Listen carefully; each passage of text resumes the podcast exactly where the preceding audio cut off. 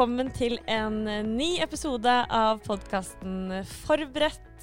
Jeg er Gita Simonsen, og eh, sammen med meg så har vi Carl Viktor Waldenstrøm, hallo, hallo.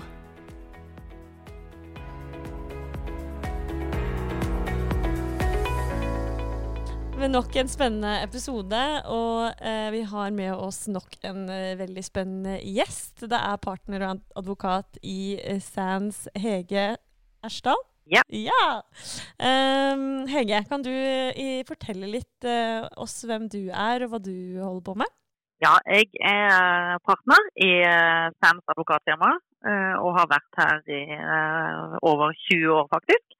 Jeg har i løpet av alle disse årene løpt veldig mye inn og ut av retten.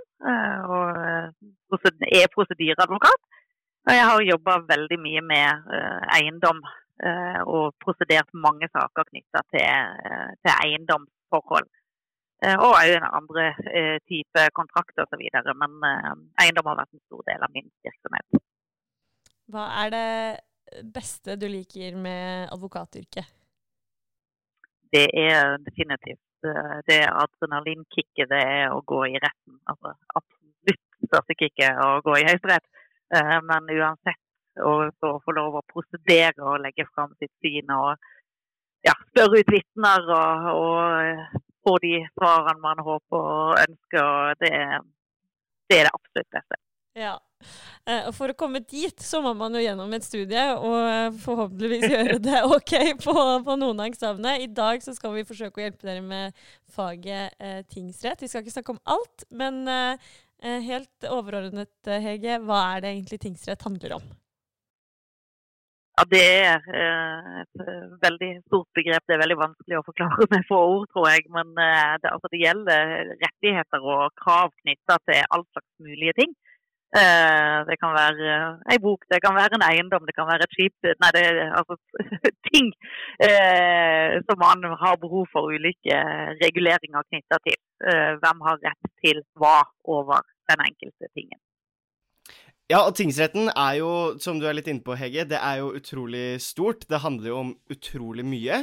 Eh, og derfor har vi jo tenkt å ta for oss to temaer i dag. Eh, og det er servitutter og sameie. Som begge to er veldig eh, viktige, da. Eh, både til eksamen og, og regner med også i, i eh, livet. Um, og da kan vi jo kanskje starte på toppen eh, med servitutter. Hva, hva, er en servitutt? Det er et litt rart ord. Ja, det er et veldig rart ord, og det er ikke noe de fleste av oss bruker sånn i, i uh, hverdagstalen.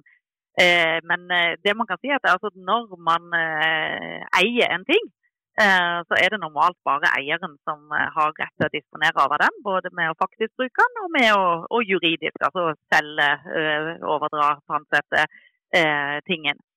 Eh, men eh, den eieren kan gi fra seg deler av sin rådighet, eller man kan få rådighet over andres eiendom på, på andre grunnlag. Så en servitutt er egentlig bare et annet og litt rart ord for at man får en rådighet over andres eiendom. Man kan bestemme noe som egentlig bare eieren skulle bestemt. Så Det kan være en eh, rett til å gå over eiendommen, altså en veirett. Det kan være en rett til å få at dyrene skal få lov å beite eh, på annenmanns eiendom. Eh, det kan være en rett til å ta opp fisk på annenmanns eiendom, og, og, den type eh rådigheter. Ja, veldig, veldig bra. Hva, men hvordan, hvordan kommer man dit, på en måte? Hva, hvordan oppstår en servitutt? Kan man bare ta det? Ja, det kan oppstå på, på veldig mange eh, forskjellige måter, egentlig. Men det vanligste er nok en, en avtale. Mm. Uh, altså at eh, man blir enig med naboen om at jeg har behov for å det vil være en skikkelig omvei for meg hvis jeg må gå til min eiendom uten å og, og det kan være helt umulig å komme til egen eiendom uten å gå over eh, en annen eh, eiendom. Så det er jo typisk veldig vanlig at man avtaler eh, at man får en rådighet som man har behov for for å kunne nytte sin egen ting eh, fullt ut. Så type eh, ja, veirett med et veldig praktisk eksempel. Eh, veldig vanlig avtale. Og, og ja, rett og fiske hvis man ikke har et vann på sin eiendom. En hytte i nærheten, f.eks. Ja, det, det, er bare en helt vanlig avtale, så å si. Det er ikke noe som skiller det sånn formkrav eller noe sånt, så skiller det fra en, en avtale om uh, ja, arbeidskontrakt, eller?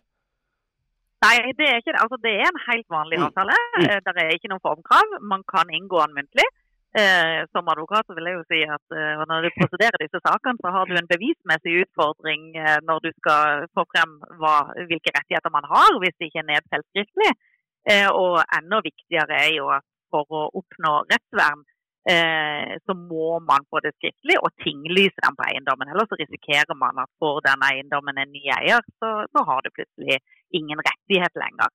Eh, men sånn rent avtalemessig så kan man inngå avtale på, på hvilket som helst eh, grunnlag. Men det er noen eh, begrensninger òg i lovverket som jeg tror det blir for på en måte, mm. detaljert og sært å komme inn på nå.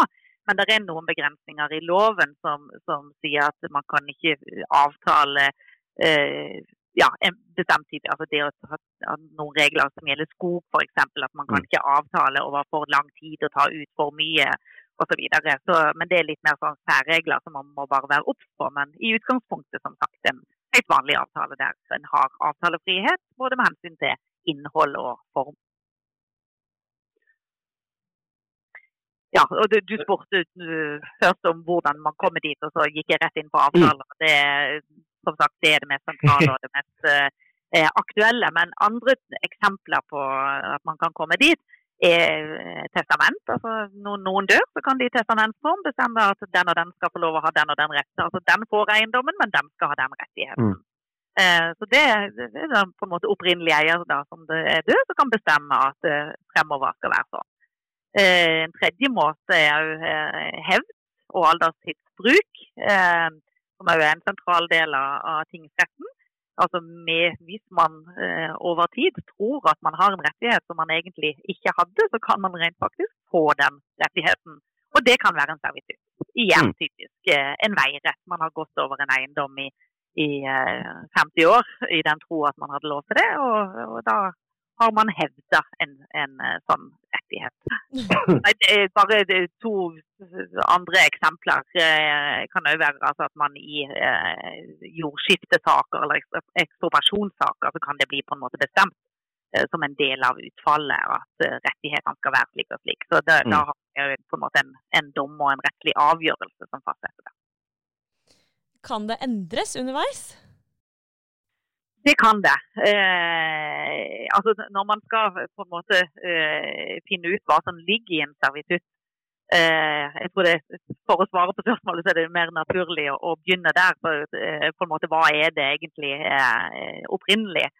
Eh, da må man på en måte kartlegge hvor har man rettighetene. altså det kan være på en stor eiendom, det er bare en liten del av eiendommen man har en rettighet. Altså en sånn geografisk begrensning. Eh, og på en måte hva gjelder det sånn rent kvalitativt? Altså hva er innholdet, hva kan du gjøre? Og, ja, som er nevnt nå, adkomst, veirett, fiske er typiske eh, elementer der. For man kan ikke gjøre hva som helst på den delen av eiendommen. Det er bestemt som regel hva man kan gjøre. Eh, og så er det tredje elementet, så er bare liksom, ja, den greie inndeling for eh, systematisk inndeling for hodet, syns jeg iallfall det er mer kvantitativt. Altså hva, hvor mye kan man utøve den, hvor mye fisk kan man ta. og uh, Kan man kjøre, eller kan man bare gå til fots, eller kan man også gå med bil, og kan man gå med lastebil osv. De tre elementene er en del av innholdet. Eh, men en servitutt kan da, som du stiller spørsmål om, endre seg underveis. Altså Selv om det var slik når man fikk denne rettigheten, så kan det om 10-20-50 år det er helt annerledes. Uh, jeg bruker veirett mye som et eksempel, men det, det er veldig veldig praktisk. Mm. Det kan ha vært en rett eh, med å gå til fots når man fikk den rettigheten, for det var det eneste praktiske, eller kanskje med hest. Og så kommer biler etter hvert, og da på en måte endret det sånn at man kan uh, bruke biler og motoriserte kjøretøy osv. Så, videre. så det blir på en måte en tolkning. Uh, man kan endre servitutten bare med en tolkning Eh, hvor da utviklinga, eller tida og tilhøva, som det brukes ofte i, i, loven, kan medføre at innholdet blir annerledes enn det det opprinnelig var. For det er en helt naturlig utvikling. og da når du har bil, så krever de selvfølgelig ikke at du bare kan gjøre, eh, komme dit med, med hest. Men man kan òg eh, man kan òg endre det på andre måter og mer sånn ja, med en formell fremgangsmåte. Og, og hvis rett, altså hvis det ikke blir en større belastning for eier, altså den motparten kan du si i et servituttforhold, så har man relativt stor frihet til å endre. Og Da er vi i paragraf fem til loven, så kan man kreve å få en, en bruk flytta eller endra i forhold til det, det opprinnelige. Eh, og da skal ikke eieren kunne si nei bare for å si nei, hvis eh, hans eller hennes rettigheter blir eh, tilsvarende etter en sånn endring. Det kan f.eks. være at en adkomstvei har gått fra den ene siden av huset først, og så at man flytter den til den andre, eller at man får en annen trasé. Eh, mm. Og det står man eh, relativt fritt til. Eh, og ofte blir man jo eh, enig om det, da. Eh, hvis man ikke er veldig vrang, siden forutsetningen er at det skal være like godt etter endringene.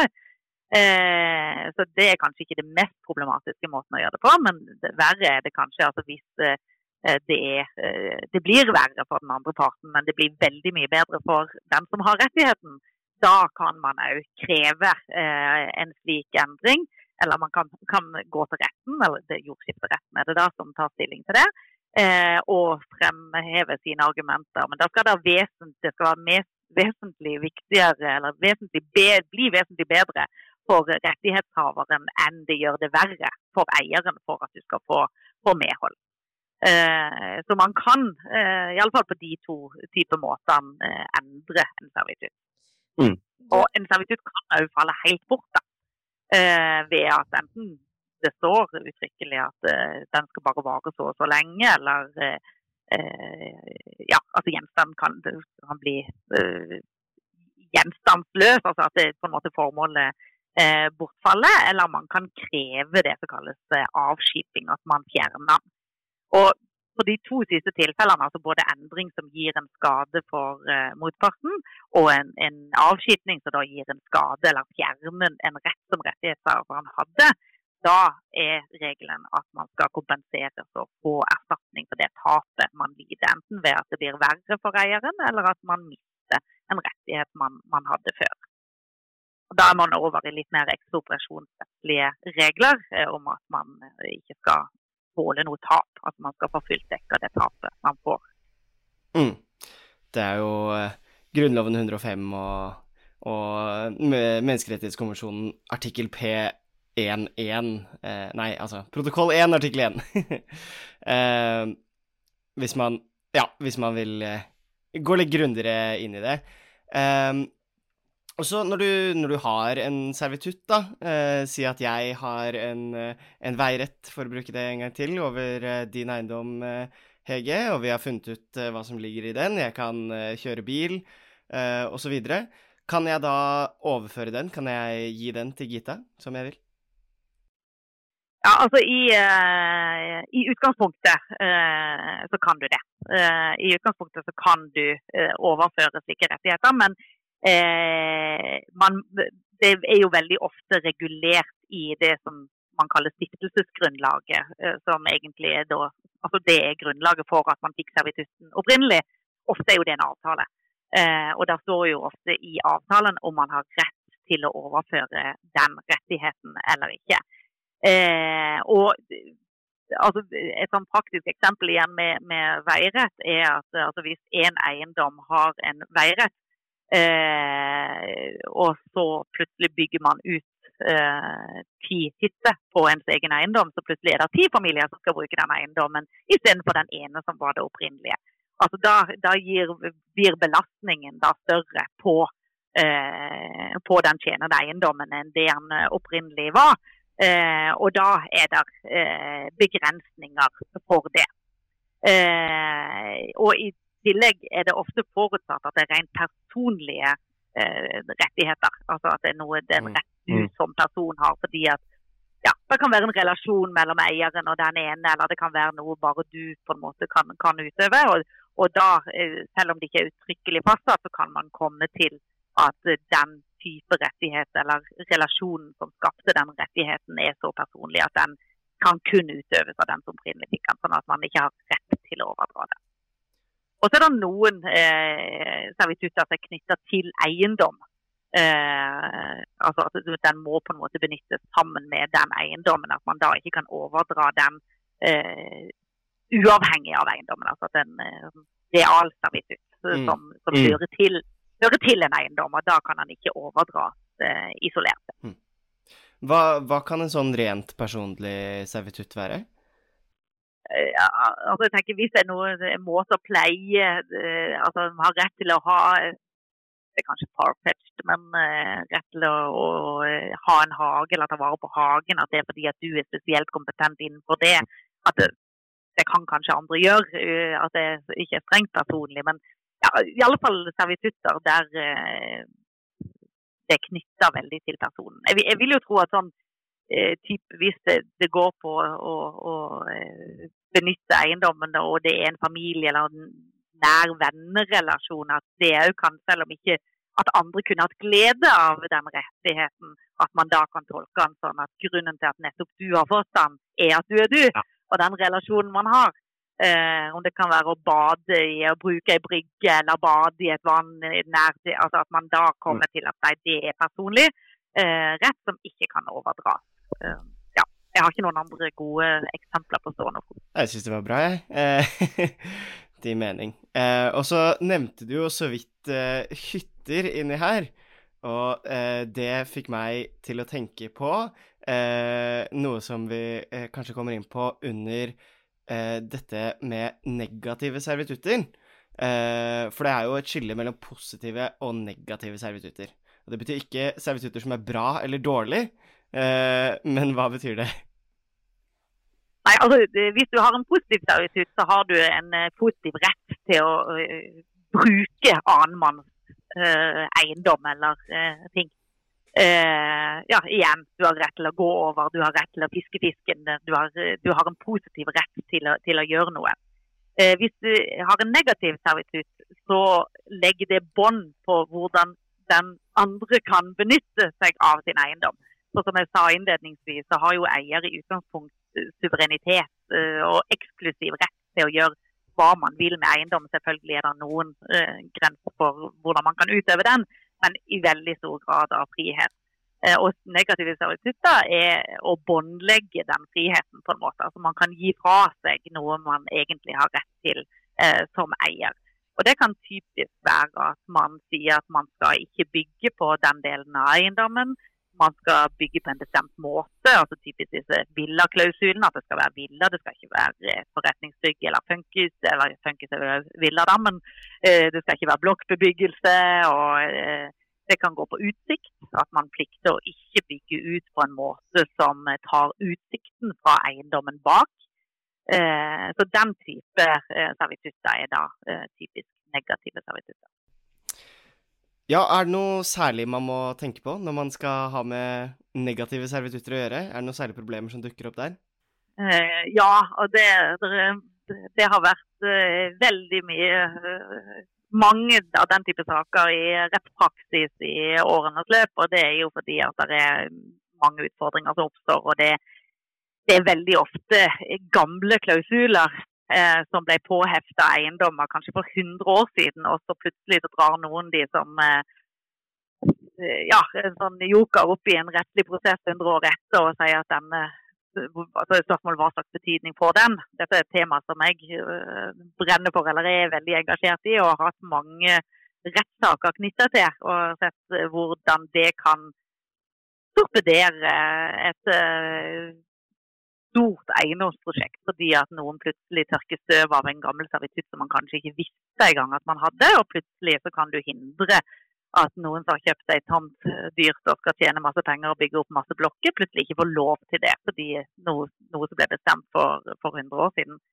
Eh, så negative servitutter er, det er veldig ofte sammenheng med at de er eh, historiske, eller de, de, er ofte gamle. Eh, det skaper store tolkningsmomenter for hvordan det skal eh, få betydning for situasjonen i dag. Eh, og om de har bortfalt. Eh, og det er jo veldig ofte en tematikk. Er denne negative servitutten eh, fremdeles gyldig eller ikke? Eh, og et, et annet tematikk knytta til negative servitutter er jo ofte at eh, ja, det er ofte type strøkservitutter. Så det er ikke bare Mm. én som har fått en rettighet om at en skal skjerme for utsikten, eller at man må bygge på en bestemt måte. Det er ofte et helt strøk, en hel gate, det for å på en måte bevare det, eh, den byggeskikken bevare, eller bevare utsikten for en, eh, en større omkrets. Og da er det ofte spørsmål hvem har egentlig rettigheter, altså hvem er påtaleberettiget, hvem kan bruke denne eh, servitutten og, og hevde at det er da eh, et hinder for, eh, for eieren til hvordan man kan benytte sin eiendom. Mm. Og så hintet jeg litt frampå med disse hyttene, eh, fordi du har jo hatt en sak om eh, negative servitutter i, i Høyesterett. Det har jeg. Jeg hadde den i alle tre instanser, men han endte jo da Ja. i, eh, i Høyesterett. Og det var eh, interessant. Det var, ble ulikt resultat fra tingretten til eh, Høyesterett. Eh, og det er den såkalte Bortelid-dommen, eh, hvor eh, problematikken var at eh, det var ikke så veldig gamle eh, servitutter. De var fra begynnelsen av 70-tallet. Dette var da oppe på, eh, på begynnelsen av 2000-tallet. Eh, men der det står i avtalen at eh, bortfesteren ikke hadde lov til å bebygge området utover det som var fastsatt i en kartskisse som fulgte festeavtalen den gang.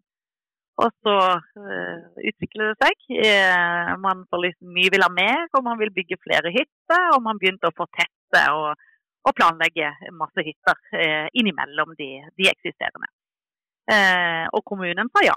Eh, da var reguleringsplanen tillot det, eh, og de fikk byggetillatelse og ville sette spaden i jorda. Og da kom hytteeierne til meg eh, og sa er dette greit. Og det mente jeg at det ikke var. Og det ville være, etter min oppfatning, å selge samme gode to ganger. De hadde bygga ei hytte i tillit til at det de har rundt seg, det er det som vil forbli rundt seg. og det er ikke det samme om du får ei hytte fire meter fra deg, og kanskje fem hytter eh, på alle kanter av, av eiendommen.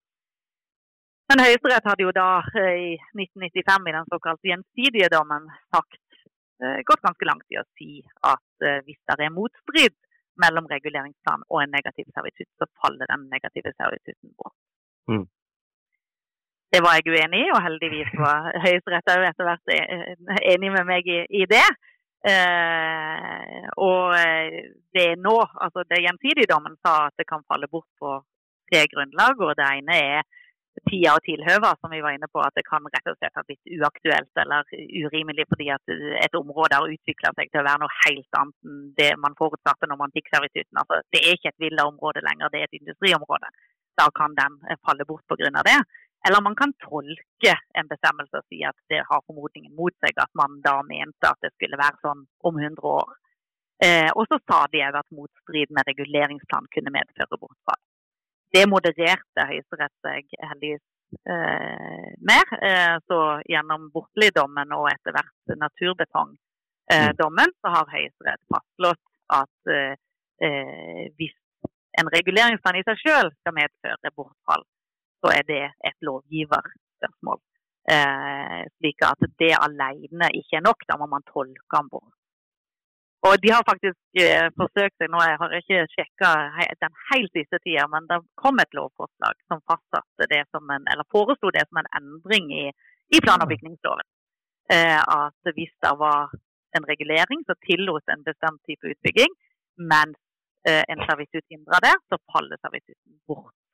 Eh, det ble der eh, massive protester på. Eh, så det siste jeg hørte var at den var lagt i en skuff. Så per nå tror jeg vi kan si at det er, man kan tolke den bort, eller tida og tilhøva kan gjøre at den bortfaller, men ikke alene kollisjon med reguleringsplanen. Ja, det var en eh, strålende oppsummering av, eh, av eh, den rettslige situasjonen, vil jeg si. Jeg er Det, over gjennomsnittet interessert. Denne kan du, Hege. Eh, jeg har jo hørt dette ordet før i daglig tale, gjerne når det kommer til borettslag. Eh, jeg vet ikke om eh, Det blir spennende å se om jeg har noe rett i, i mine tanker her. Men Hege, hva betyr det at ting er i sameie? Det betyr jo at det er flere enn én som har den samme eh, kvalitative retten til å råde over ting. Altså Det kan være både faktisk og rettslig. Eh, og det er jo bare når to ektefeller eier en leilighet eller et hus sammen, så er jo det da eh, et sameie, egentlig. Altså så, så, Man kan kjøpe en båt sammen, man kan eh, Ja, det er, ikke grenser for hva man kan eie sammen. Så det er egentlig når det er er fordelt på det som er eierbeføyelsen, er fordelt på flere eh, personer. Enten eh, altså, faktiske personer eller juridiske personer. Kan jo òg være, eh, være sameiere. Mm. Men det er jo ikke sånn at man trenger å, å eie det 50-50, eller? Det trenger man ikke. Det er jo, altså det kan være en setedel, det kan være 33-67, det kan være uh, hva mm. som helst. Så da eier man i den brøken som, som uh, man enten har fastlagt, fastlått eh, bestemt, eller så kan det være at man tolker det slik fordi at man har gått inn med ulikt beløp, eller på andre måter har fastslått enn andre. Sånn som meg og min samboer, der er det ikke helt 50-50, men eh, det er et sameie fortsatt. Nettopp, det er det, og man har rettigheter som sameie. Så, så er det klart at er, hvis én eier mer enn den andre, så så, eh, så, er det jo noen bestemmelser som beskytter både mindretall og flertall for hvordan man skal kunne gjøre det, både faktisk og, og, og rettlig. Men sameieloven og, og, de reguleringene som ligger der, gjelder jo uavhengig av eierbrøk. Da. Eh, hvordan blir man sameier? Hvordan oppstår dette fantastiske sameiet? På samme måte som servitutter, så er det jo avtale som er det absolutt mest eh, praktiske man blir enige om. Eh, men igjen, på samme måte som servitutter, så eh, kan man få altså Hvis man arver, altså testament eller arv, hvis man arver noe sammen, så blir det òg en form Eller da blir det òg et, eh, et sameie. Sånn typisk at et foreldrepar når de dør, de altså tre barn eier hytte eller arver hytta, da blir jo de plutselig sameiere i familieeiendommen. Og man kan òg, altså uavhengig av død og testament, så kan man få noe i fellesskap som en gave. Mm. Så det er jo veldig mest praktiske måtene et sameie kan, kan, oppstå. Ja, og så kan man vel eh, Så er det vel også noen sånne ekteskaps, eh, ekteskapsrettslige regler om, eh, om dannelse av sameie, men det, det, tror jeg også blir å, å dra litt langt av gårde og, gå inn i. Både det, og hvis man bare liksom, altså det blir et dødsbo og man arver mm. det. altså Det er særregler der òg. Men det tror jeg det blir for, ja. for detaljert å inn på. Men det er, det er særregler man må ta hensyn til. Mm. Det, er, det, er, ofte det. og det kan jeg jo si altså generelt med, med sameieloven og eh, for så vidt eh, servituttloven, som jeg kaller den, selv om man heter noe annet på nynorsk. så er det, det i utgangspunktet deklaratorisk at man kan avtale mm. seg bort, bort ifra de. Eh, så, så, hvis det ikke er en annen avtale eller det følger av særlige regler, som du er inne på, så er det den loven som gjelder. Men eh, det er alltid med det forbeholdet. Mm. Um, du snakket om at, vi, at, man kan ha ulik uh, eierandel, men uh, kan man gjøre akkurat som man vil med Eh, den tingen eller sin rådighetsdel som på en måte tilhører deg? Altså, i, i utgangspunktet så, så, skal man, eh, har man eh, på en måte full rett til å bruke noe man har eh, en sameieandel i. Men man må jo eh, eh, altså På samme måte som det i naboloven er inntatt en sånn type generalklausul hvor man plikter å ta tilbørlig hensyn til andre rettighetshavere, så er det òg sånn når man er sameier. Eh, sånn at Veldig ofte så vil jo det være eh, regulert type, altså familier som eier ei hytte sammen, så vil det jo ofte være regulert at man kan benytte hytta i den og den perioden når man, man foretar en sånn fordeling. Men uavhengig av en sånn avtaleregulering, så er det fastsatt i loven at man må ta hensyn til eh, de andre rettighetshaverne, slik at alle får rimelig mulighet til å utøve samme eh, rådighet som de øvrige. Mm. Ja, for det, altså Men eh, bare for eh, forståelsen selv, kan man Hvis man bare eier halvparten av noe, så kan man bruke hele tingen. Eh, altså, hvis jeg eier halvparten av en bil, så kan jeg bruke hele bilen, men jeg kan kanskje ikke bruke den hele tiden, eller? Ja, absolutt. Og det, altså, du kan si at uh, Hvis man eier en halv, halvpart av en tomannsbolig, så kan det jo være helt uproblematisk. Da kan du bruke halvparten av den Mm. tingen hele tida. Men veldig ofte så lar jo ikke tingen seg dele på den måten at man kan bruke i henhold til sin egen bruk. Og da må man jo bli enige om perioder. Altså da, på en måte, da får man eksklusiv eh, rådighet i, i en bestemt periode, men at den perioden må tilpasses hvilke rettigheter du har. Og så er det jo òg regler som, som eh, fastsetter eh, altså i loven, eh, det er paragraf tre i sameieloven, som fastsetter hva man skal kunne bruke den til. Altså det, det, det skal jo være en bruk som er i samsvar med, med hva den sameiegjenstanden er ment til å, å brukes til. Altså Er det ei hytte eller er det eh, en bolig, så kan du ikke plutselig begynne å eh, drive bordell eller eh, ha en, næringsvirksomhet eller lage en crossbane eller ja, altså den, den type ting. Der det skal, skal være innenfor loven sier det gjerne etla til, som kanskje ikke heller er et veldig hverdagslig ord som vi bruker så ofte.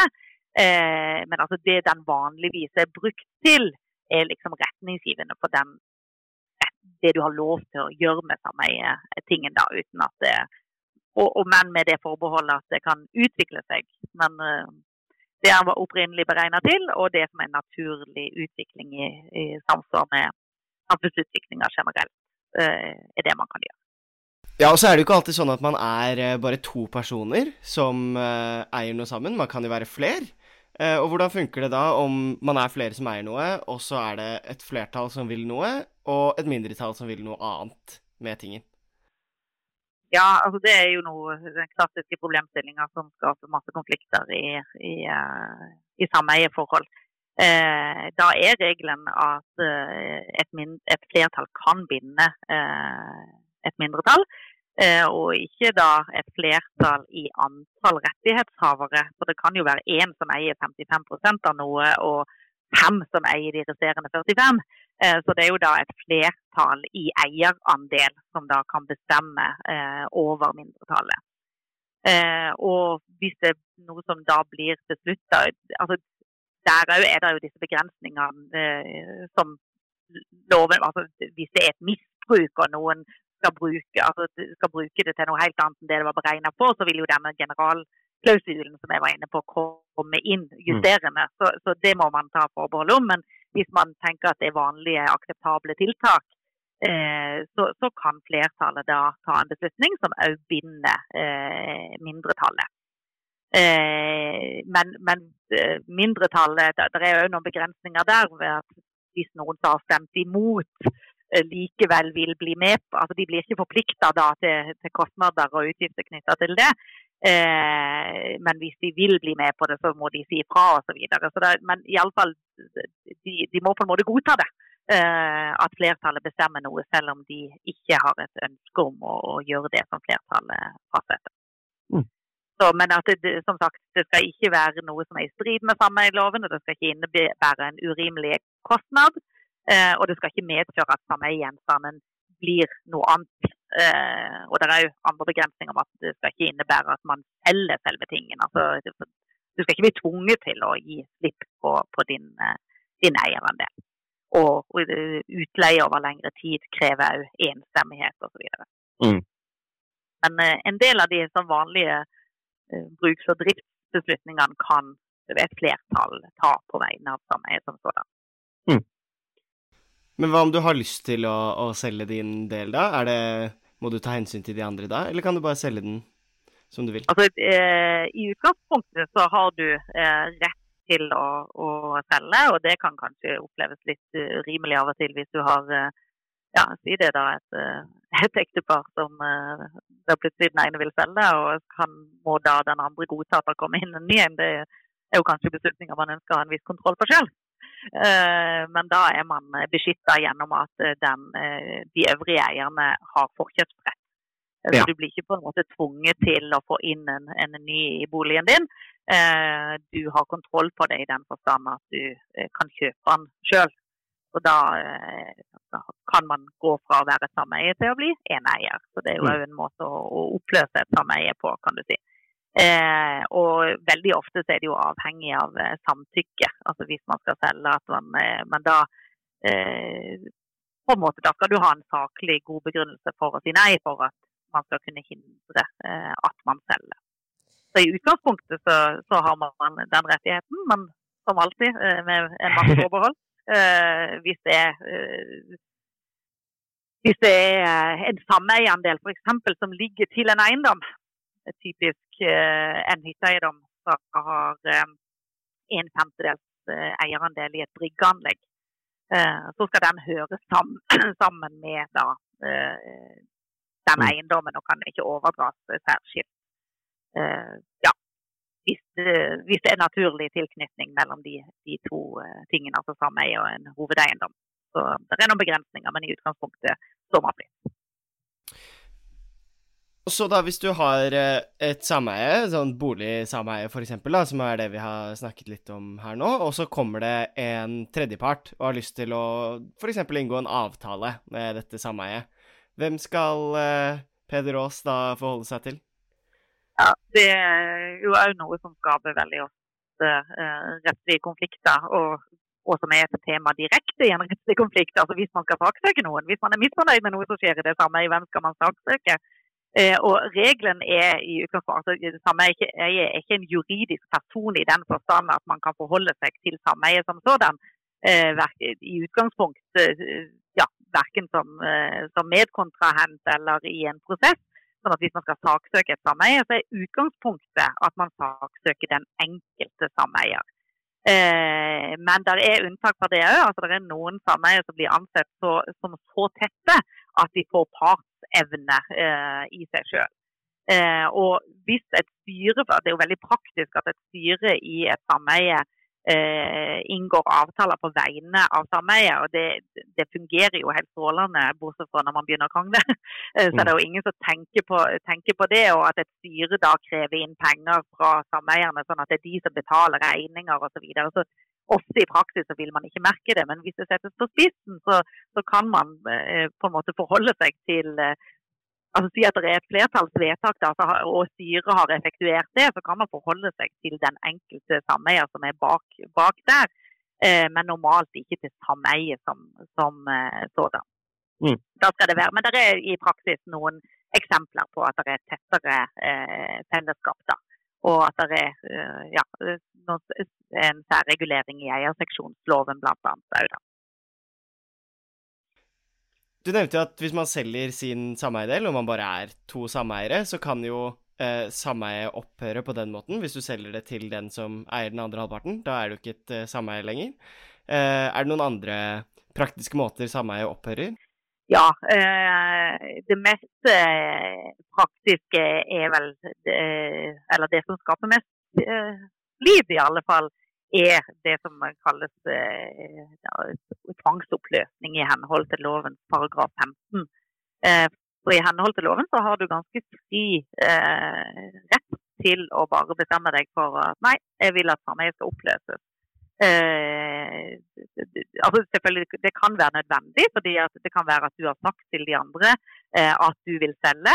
Eh, og så er det ingen som ønsker å, å kjøpe. og eh, altså, de, Ingen ønsker å benytte forkjøpsstøtten, og det er heller ikke så lett å få noen til å kjøpe en fjerdedel av en familieeiendom på, på ei øy.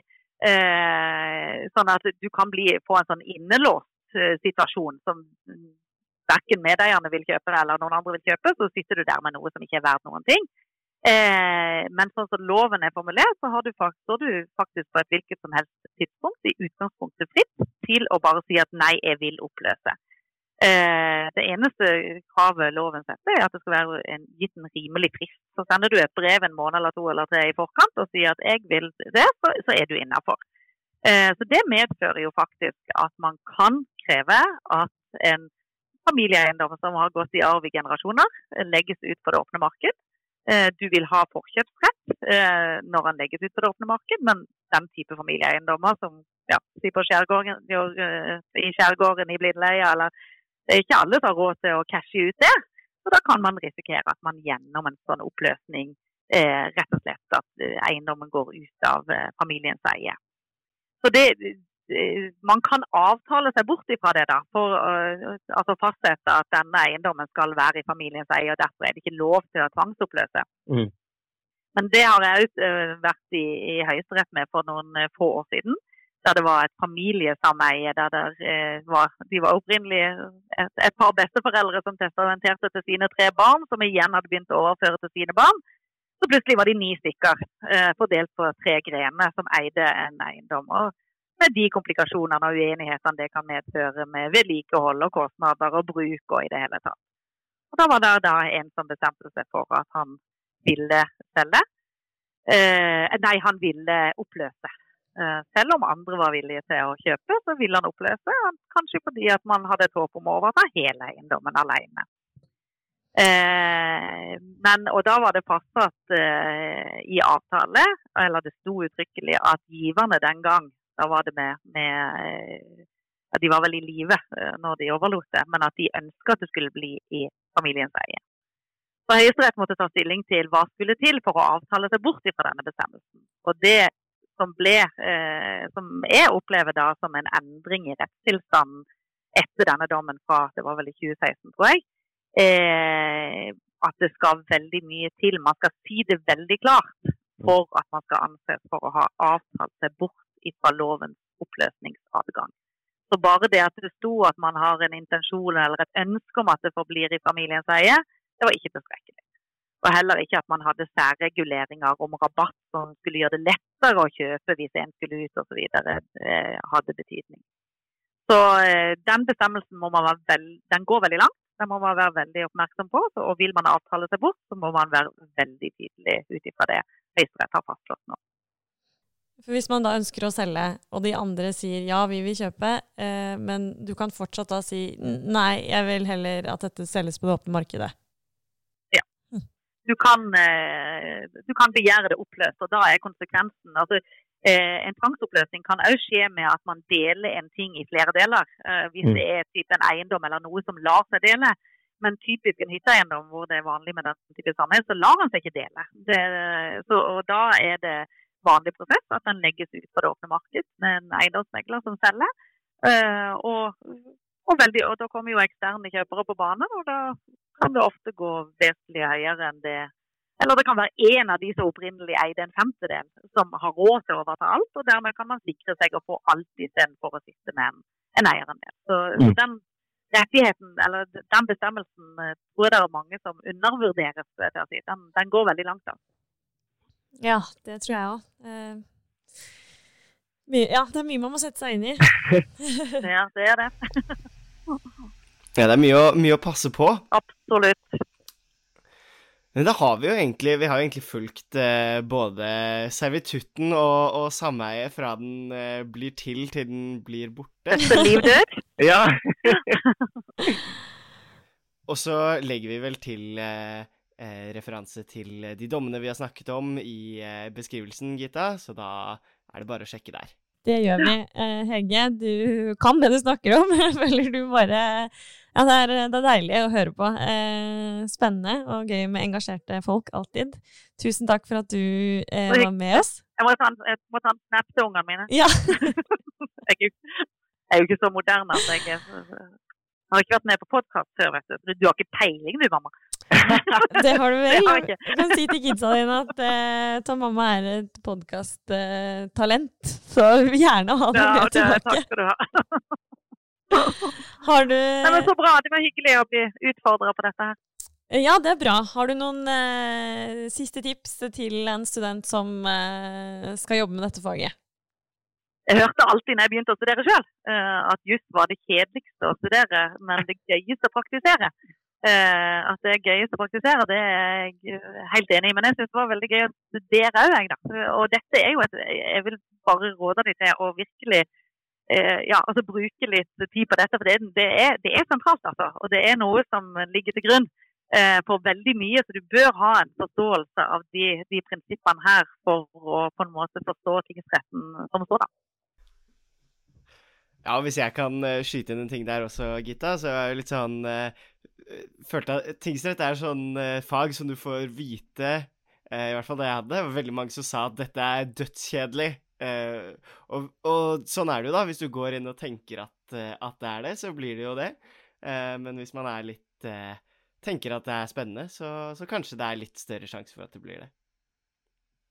Absolutt. Og det er, jo, det, er et, det er jo, utrolig praktisk. Altså, det er jo noe hver eneste av oss forholder seg til hver eneste dag. Så jeg må jo si at alle de temaene som, som er en del av min advokatvirksomhet, hvis man tenker på venner og bekjente og familie og folk Alle har jo alltid et eller annet spørsmål de må spørre sin advokatvenn om. Det er veldig ofte denne type problemstillinger. Så, så det er utrolig praktisk å samtale om. Ja, og gøy, syns jeg, da. Ja, jeg hadde jeg vært uh, jusstudent, så tror jeg at jeg syns dette hadde vært spennende. For er som du sier, jeg merker jo at mye av det dere har snakket om, er jo ting som går inn i det virkelige livet også. Ja. Um, og det da er jo allting litt mer spennende når man kan anvende det til sitt eget liv. det er det, absolutt. Tusen takk igjen, og lykke til til deg som eh, hører på. Eh, Hege, eh, vi håper du blir med en annen gang. Og Karl Viktor, vi er tilbake seinere. Ja! Jeg er med. Tusen takk. Ha det bra. Ha det. Ha det.